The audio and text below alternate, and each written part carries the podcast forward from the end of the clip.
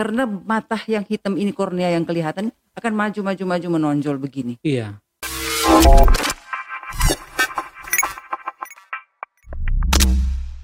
Rumah sakit umum pusat Profesor Kando Profesor Dr. Rumbayan Kando Rumah sakit pendidikan rujukan nasional Terpercaya masyarakat luas Kepuasan pasien di atas segala-galanya Keselamatan pasien selalu dijunjung tinggi. Majulah RSUP Kando. Rumah sakit pendidikan nasional. Majulah rumah sakit kando. Rumah sakit pilihan masyarakat. Majulah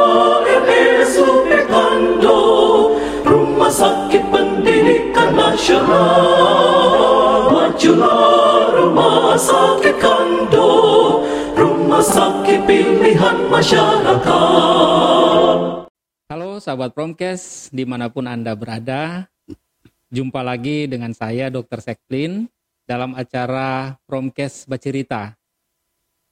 Topik kita kali ini adalah mengenai tumor retina pada anak atau dalam istilah medis dikenal sebagai retinoblastoma. Dan kali ini kita kedatangan seorang narasumber yang sangat berkompeten, sangat berpengalaman untuk membahas tentang tumor retina pada anak ini. Karena itu izinkan saya memperkenalkan dengan penuh hormat Dr. Herni Poluan, spesialis mata. Selamat siang dok. Selamat siang, Dokter Sektin. Sehat-sehat selalu dok ya. Puji Tuhan, sehat. Tetap semangat juga dok. Amin. Kalau sibuk ya. Ya, Ya, Dokter Herni Poluan spesialis mata adalah dokter ahli pada divisi pediatrik ophthalmology atau ilmu kesehatan mata pada anak di bagian ilmu kesehatan mata RSUP Profesor Dr. RD Kando Manado Fakultas Kedokteran Universitas Samratulangi.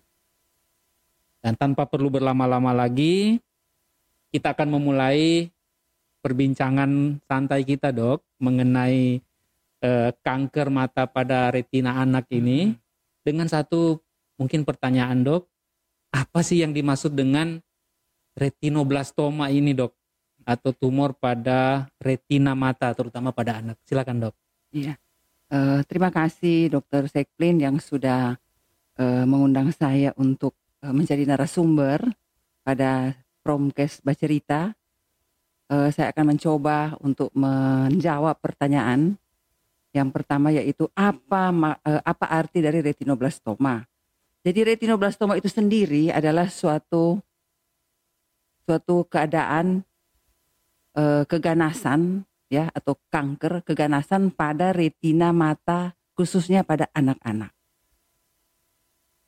jadi ini suatu keganasan dok ya Iya. iya yang mana terjadi pada eh, retina jaringan retina begitu dok ya? Iya.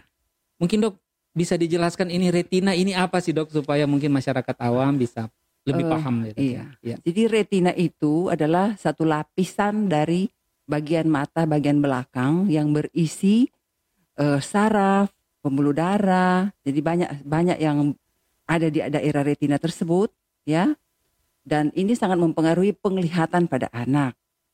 Jadi kalau retina ini terganggu karena retina itu normal ya, normal ada 10 lapis re- pada retina itu sendiri. Sedangkan kalau pada anak eh, retinanya ini belum berkembang sempurna. Dan selama dia waktu lahir, dia akan mulai berkembang dari sejak kandungan sampai dia lahir masih sementara perkembangan. Sedangkan kalaupun eh, terjadi suatu keganasan seperti dalam hal ini retinoblastoma, itu terjadi mutasi dari retinoblastoma 1 ya gen 1 pada usia kehamilan. Jadi bukan terjadi waktu dia hidup, waktu dia sudah ada di dalam kehidupan tetapi masih dalam kandungan Dalam kandungan. sudah ya. terjadi mutasi gen RB1 sehingga tinggal tunggu waktunya dia akan berkembang. Hmm. Begitu lahir dia akan terdeteksi, terlihat eh, mulai ada berkembang suatu keganasan di daerah retina tersebut. Iya dok. Berarti di bagian mata, bagian belakang ada satu lapisan itu yang kita Iya, sebut dengan retina, dan di sinilah mungkin terjadi mutasi, Iya, terutama pada masa kehamilan dan nanti Iya. akan mungkin bermanifestasi ya pada usia anak begitu Iya, dok ya. iya. Dok ini eh ini kan terus terang kalau mendengar tumor mata pada retina anak kan terus terang langsung kita langsung khawatir gitu kan dok, cemas, Iya. takut. Ini seberapa sering sih dok? Eh, angka angka kejadian. Angka retinop, Iya. iya, angka kejadian. Jadi angka kejadian eh, suatu retinoblastoma pada anak ini eh, lumayan lumayan banyak ya, terutama di kalau kita seluruh dunia ya. Dia punya angka kejadian 1 per 14.000 sampai 18.000 kelahiran. Itu yang seluruh dunia ya. Iya. Tetapi khususnya di Sulawesi Utara, saya lihat ini kayaknya lebih ya. Apa Maksudnya lebih banyak Lebih orang yang banyak, kena ya. retinoblastoma ya. Jadi tahun ini saja di RSUP Kando, mulai dari Januari sampai bulan ini bulan Mei, saya kemarin operasi pasien retinoblastoma sudah lima pasien. Dari bulan Januari Iya, Dok, sampai dari Mei. Januari Berarti sampai ini Mei ya, sudah lima Rata-ratanya pasien. satu bulan satu. Iya, ya. kira-kira diperkirakan seperti, itu. Ya. Dan ini masih antri empat pasien. Wah. Berarti sudah pasien ke-9 ya. Pasien ke-9 dalam lima bulan berjalan. Iya, jadi mungkin mungkin yang sebagian dari tahun kemarin. Iya, Tapi yang Iya. pasti kok sepertinya lebih banyak peningkatan ya. iya, Iya. Jumlah pasien sementara selama ini mengalami peningkatan. iya. Mungkin Iya. sudah mulai ada peningkatan kasus, tapi kan kadangkala di deteksi dini ini kan yang kadang eh, masyarakat belum paham kan dok. Nanti Iya, muncul di betul. rumah sakit setelah sudah fase lanjut dok ya. Ya. betul. Kemudian dok, eh, masyarakat mungkin juga ingin mengetahui apa sih bahayanya dok ini Eh, tumor pada retina mata terutama pada anak dok. Eh, terus terang ya, kan namanya tumor atau jenis kanker ya, itu kalau tidak dilakukan penanganan, dia akan menyebabkan suatu kalau kedokteran katakan metastase, tapi di eh, secara eh, awam itu disebut penyebaran. Iya, Nah, kalau tidak ditangani satu kasus keganasan seperti ini, dia akan menyebar. Itu bahayanya terjadi penyebaran. Nah, kalau tidak ditangani juga anak ini, maka matanya ini, retinanya ini semakin hari semakin hari semakin menonjol. Terjadi pendorongan dari retina bagian belakang mata ini, terjadi pendorongan ke depan dan isi dari mata tersebut ini akan maju maju maju ke depan ke depan ke depan sampai keluar dari kelopak mata. Oh, iya. Dan itu sangat ngeri melihat. Karena mata yang hitam ini kornea yang kelihatan akan maju-maju maju menonjol begini. Iya, Itu pada stadium iya. stadium lanjut. Pada stadium lanjut Iya. dok ya, iya. Jadi itu kelihatan Iya. ngeri banget ya. Iya, berarti dok relatif kalau pada stadium lanjut boleh kita katakan eh, tandanya sudah jelas dok ya ada penonjolan mata begitu dok. Eh, Tapi pada stadium awal Pada, oh, Sudah pada ada bahkan pada tandanya. stadium awal dok. sudah ada Nah, tandanya. iya, ya, iya, ini ini yang ingin kami tanya dok, tanyakan dok. Bagaimana kita eh, meyakinkan pada orang tua terutama bahwa ini merupakan satu kecurigaan katakanlah Iya. Suatu eh, tumor pada retina Iya. terutama pada anak dok, Heeh, iya. pada stadium awal terutama dok. Oh. Gimana dok? Jadi gini, orang tua kebanyakan tidak perhatikan Hmm. anak yang menderita suatu kanker pada mata khususnya retinoblastoma, orang tuanya tidak melihat. Kenapa? Karena gejala awal memang tidak kelihatan karena dia berada di lapisan belakang dari bola mata. Caranya supaya orang tua ini bisa melihat anaknya ada perubahan dalam keadaan mata telanjang seperti ini kita bisa lihat kenapa matanya ini kalau kita lihat begini berbeda dengan mata sebelah. Ini Oh, mata sebelah dari- ini ada perbedaan yang namanya cat's eye atau mata kucing. Oh. Kalau kita lihat kucing kena lampu, matanya mem- memantul warna merah. Iya, ah, iya, seperti itu. ada pantulan. Kenapa matanya agak merah-merah begitu? Sebelahnya normal. Oh. Itu salah satu tanda mengarah ke tumor retinoblastoma. Berarti pada saat kita sebagai orang tua, Mm-mm. pada saat eh, melihat anak, kita juga memperhatikan bola matanya dok ya. Iya, Apakah ada perbedaan antara eh, Kanan dan kiri dan, kiri, kanan ya, dok ya. betul. Terutama kalau sudah ada kemerahan dok. Iya, jadi sepertinya bukan merah sih gambar fundus. Gambar dari fundus itu kan merah orange. Oh ya seperti Jadi itu. sama kayak kucing atau anjing kena sinar, kena lampu, dia kan memantul warna. Gitu gejala awalnya seperti itu. Ada pantulan dok. Ada pan, eh, bukan pan dia dia tidak memantul. Kalau Oh, eh, iya. kalau binatang itu yang memantul, tapi kalau anak mata anak dia tidak mantul. Cuman kita lihat begini, tuh kayaknya ada sesuatu kayak kayak ada mengkilat-mengkilat di dalam, ya. Lebih lebih itu lebih kita mengerti kayak ada kilat mengkilat mengkilat kayak ada yang memantul di dari dalam mata kok lain dengan mata sebelah pasti itu gejala awal Dan itu bisa kelihatan dari luar dok ya? Tan- mata tanpa- telanjang bisa mata telanjang. lihat. Iya, itu Iya. ya, dok. Dok, kemudian tadi sudah disebutkan mengenai eh, peran orang tua dok. Iya. Tapi untuk penyakit eh, retinoblastoma ini, apakah diturunkan dia? Apakah ada faktor eh, genetik katakanlah? Iya, eh, dia bisa diturunkan yang namanya autosomal dominan. Jadi dia diturunkan, jadi dia sudah bersifat herediter sejak dari kandungan ibu. Tadi kan karena Iya. sudah terjadi mutasi gen kehamilan RB1 tadi, itu pada iya. kehamilan seorang Iya. ibu. Berarti memang bisa juga ada faktor eh, genetik, dok, ya. Genetik, iya. Iya. Nah dok, kalau sudah terutama pada stadium lanjut tadi dokter katakan sudah menonjol matanya dok, apakah ada terapi atau apa yang bisa dilakukan untuk eh, kondisi-kondisi tumor pada retina ini dok? Eh, sebaiknya jangan tunggu stadium lanjut. Ya, Sebaiknya eh, lebih cepat terdiagnosa, iya, lebih prognosanya lebih baik. iya, kalau diagnosanya agak lambat atau sudah stadium stadium lanjut itu eh, prognosanya semakin jelek karena kita tahu kalau suatu kanker itu pasti ada penyebaran jadi jangan tunggu penyebaran baru kita terapi lebih Baik, baik ah, ya. masih stadium satu masih awal-awal sudah dia lakukan terapi terapi. Nah dok, berarti kan masalahnya tidak semua wilayah, terutama di area-area mungkin eh, terpencil ya, tidak ada tersedia dokter mata dok. Iya. Untuk keadaan-keadaan seperti ini, misalnya ada kecurigaan seperti tadi dokter jelaskan, ada tanda-tanda tertentu.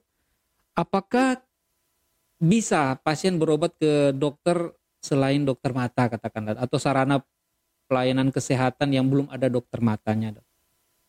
pasien bisa berobat ke siapa saja tergantung dokter yang terima dia Hmm. dokter umum misalnya, apakah dia cepat mendiagnosa suatu penyakit retinoblastoma atau tidak. Iya. Jadi keluhan pasien pada anak apalagi mata, sebaiknya dokter umum itu segera kirim ke dokter spesialis mata. Supaya deteksi dini cepat teratas. Hmm. Kalau kita tunggu misalnya, oh enggak apa-apa, misalnya dia bilang, ini anak mengeluh matanya merah-merah seperti ada pantulan, tapi tahu ini penyakit apa ya. Iya. Nah sebaiknya cepat rujuk ke pusat pelayanan yang ada dokter mata. dokter mata iya. Ya dok, misalnya eh, setelah ini kita anggap saja pasien akhirnya mengetahui ini Mm-mm. kemungkinan adanya kondisi retinoblastoma dan mereka siap menjalani terapi katakanlah. Mungkin apa persiapan khusus dok yang Mm. harus dilakukan atau disiapkan oleh eh, orang tua terutama untuk eh, anak-anak dalam kondisi dengan retinoblastoma dok. Eh, jadi orang tua itu kita beri eh, suatu edukasi yang baik, yang benar tentang masalah gizi dari anak ini. Karena untuk menterapi lanjut, dilanjutkan akan di, akan diadakan kemoterapi, dia harus punya dasar bahwa imunnya baik. Jadi imunnya harus baik, makanannya harus bergizi. Kemudian dia mesti mempersiapkan eh, kesiapan mental. Jadi orang tuanya ini harus bersedia bersedia punya kesiapan mental untuk mengurus anak yang seperti ini. Karena pengobatan kasus seperti ini agak lama. Jadi terapinya itu ada berapa siklus, enam siklus, di kemo berapa kali. Nah itu memerlukan waktu panjang. Jadi kita harus edukasi yang benar kepada ibu ini supaya ibu ini eh, orang tuanya mengerti bahwa perawatan anaknya itu lumayan lama dan agak panjang, kemudian butuh kesabaran. Itu yang harus kita sampaikan ke orang Iya, tuanya. dok. Berarti dok tadi dokter menyebutkan perlunya orang tua mempersiapkan eh, nutrisi ya dok, Iya. gizi. Berarti apakah dengan kata lain dok, apakah eh, sementara atau setelah terapi ada pengaruh di tumbuh kembang anak dok? Iya.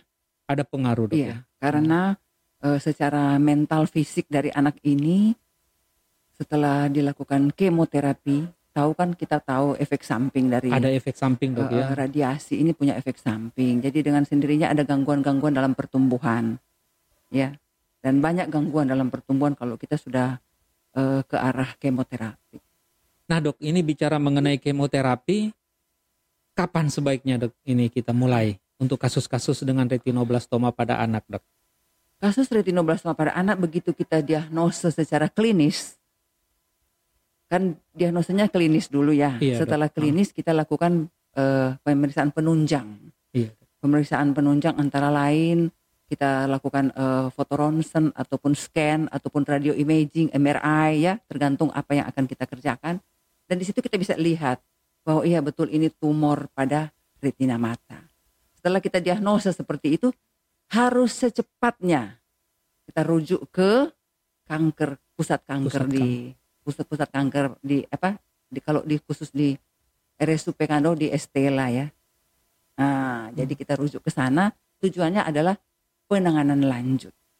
Penanganan lanjut berupa apa? Berupa eh, kemoterapi, ikut berapa siklus, selesai enam siklus baru kita akan lanjut dengan operasi. Oh, panjang juga perjalanannya Panjang. ya? Maka maka tadi saya Iya. katakan harus Iya. edukasi yang baik kepada orang Iya. tua. Karena ada kemoterapi, kemudian ada tindakan operatif. Iya. Ya dok. Dok, bagaimana mengetahui kalau terapinya ini berhasil dok? Kira-kira apa yang bisa dijadikan patokan dok? Eh, satu patokan yang paling utama adalah kita lakukan lumbal fungsi. Jadi dengan cara kita mengambil sel cairan cerebrospinal di daerah lumbal dan kita lihat dengan pemeriksaan histopatologi kita lihat cari apakah masih ada sel-sel kanker di sana. Oh, Ada metastase di sana. Iya. Dan Dengan kalau negatif berarti eh, penanganannya lumayan baik. Sudah diangkat, sudah dioperasi, sudah dikemo, setelah periksa cairan cerebrospinal juga negatif. Oh iya, baik dok. Berarti metodenya dengan eh, melihat komposisi dari cairan Iya. eh, Cerebrospinal. cerebrospinal ya dok. Iya. Ya iya dokter. Nah dok, ini mungkin pertanyaan terakhir dok. Kalau misalnya retinoblastoma ini sudah diterapi, Mm-mm. tadi dokter katakan ada kemoterapi, ada operasi, apakah bisa kambuh lagi dok Mm-mm. untuk kasus-kasus seperti ini dok? Ya, silakan Eh, dok. Ya. Untuk kita melihat kekambuhan dari suatu eh, terapi daripada retinoblastoma, kita lihat keadaan dari mata itu sendiri. Kalaupun setelah kemo sekian tahun terus kita li- periksa kembali dikontrol oleh seorang dokter bahwa anak ini mengalami pertumbuhan dari jaringan itu, kita lakukan pemeriksaan lengkap dan kita MRI ulang. Apakah ada pertumbuhan jaringan baru? Nah, kalau ada berarti dia rekuren. Kalau tidak ada berarti tidak rekuren. Oh gitu dok. Iya. Berarti ada pemeriksaan lanjut dok, Iya. ya, untuk bisa memastikan. Nah sahabat Promkes eh, tentu sangat bermanfaat apa yang kita sudah dengarkan tadi penjelasan dari Dr. Herni Poluan spesialis mata mengenai tumor pada retina mata anak. Untuk itu sebelum kita mengakhiri eh, pertemuan ini kami serahkan atau berikan kesempatan kepada Dr. Herni mungkin ada closing statement atau ada pesan-pesan untuk masyarakat terkait dengan eh, penyakit tumor pada retina mata, terutama pada anak-anak. Silakan dok. Nah, terima kasih eh, para pemirsa yang saya kasihi. eh, kita sudah mendengar tentang retinoblastoma atau kanker mata pada anak, khususnya retina. Eh, saya percaya semua kita sudah eh, mendengar ya, dan eh, mungkin ada tambahan-tambahan sedikit ya. Tambahan sedikit berupa setelah dioperasi, tentunya pasien ini operasinya apa namanya? Operasinya namanya enukleasi, yaitu pengangkatan bola mata tetapi tidak diangkat otot-otot mata. Nah, setelah diangkat bola matanya, terus mau diapakan ini ini mata ini? Nah, em, jadi mata ini jangan dibiarkan dia bolong, ya. Jadi ada operasi lagi lanjut yang namanya rekonstruksi mata. Itu bisa dipasang protesa, protesa mata. Kemudian bisa diambil protesanya itu macam-macam. Ada yang sudah ada yang berbentuk akrilik, yang seperti kelereng bisa dimasukkan ke dalam. Kemudian ada lagi yang ambil fat dari dari daerah bokong bisa ditempel ke dalam, baru kita tutup. Kemudian di atasnya ditaruh protesa yang bentuknya seperti mata manusia. Ya, jadi seperti mata manusia dimasukkan. Contoh sekarang ada dua orang kemarin dipasang eh, protesa. Jadi seperti tidak dioperasi karena begitu lihat begini sama model dengan mata sebelah. Dan orang tuanya senang melihat anaknya seperti tidak dioperasi. Jadi jangan biarkan matanya bolong. Itu yang saya mau sampaikan supaya dengan kita melakukan tindakan operasi, orang tuanya tidak takut lihat anaknya tidak ada mata lagi. Ya. Uh, anaknya sudah bolong. Jadi itu kan ngeri menakutkan. Kita sampaikan ke orang tuanya bahwa setelah dioperasi matanya ini akan jadi baik kembali tapi tidak melihat. Sekali lagi kita sampaikan bahwa tidak melihat jangan orang tua kira bahwa oh nanti setelah operasi pastinya pasti melihat. Itu yang penting ya. Dan sebagai eh, terakhir saya mau imbau eh, kepada orang-orang tua khususnya ibu-ibu perhatikan anak-anak ini sejak dari masih baru lahir. Jangan nanti setelah sudah terlambat baru datang berobat ke dokter, terutama eh, untuk periksa mata. Itu yang paling penting, ya. Seluruh penyakit mata apa pun juga segera secepatnya kita tangani dari awal. Jangan berlambat-lambat dan jangan sudah terjadi penyebaran, jangan sudah terjadi komplikasi-komplikasi yang lain baru kita datang untuk periksakan anak-anak ini. Iya, itu sekian dokter. Baik. Baik, terima kasih dokter Herni. Eh, informasinya sangat bermanfaat dan eh, sangat menambah pengetahuan dari kita semua yang mendengarkan. Banyak terima kasih.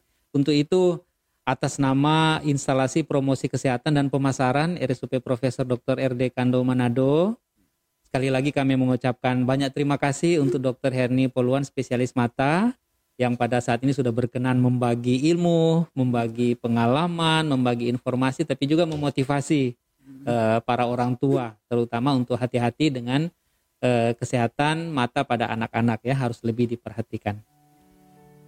Sobat Promkes di mana pun Anda berada, demikian edisi kita kali ini dan kita akan jumpa lagi dalam edisi-edisi selanjutnya. Salam sehat. Rumah sakit umum pusat profesor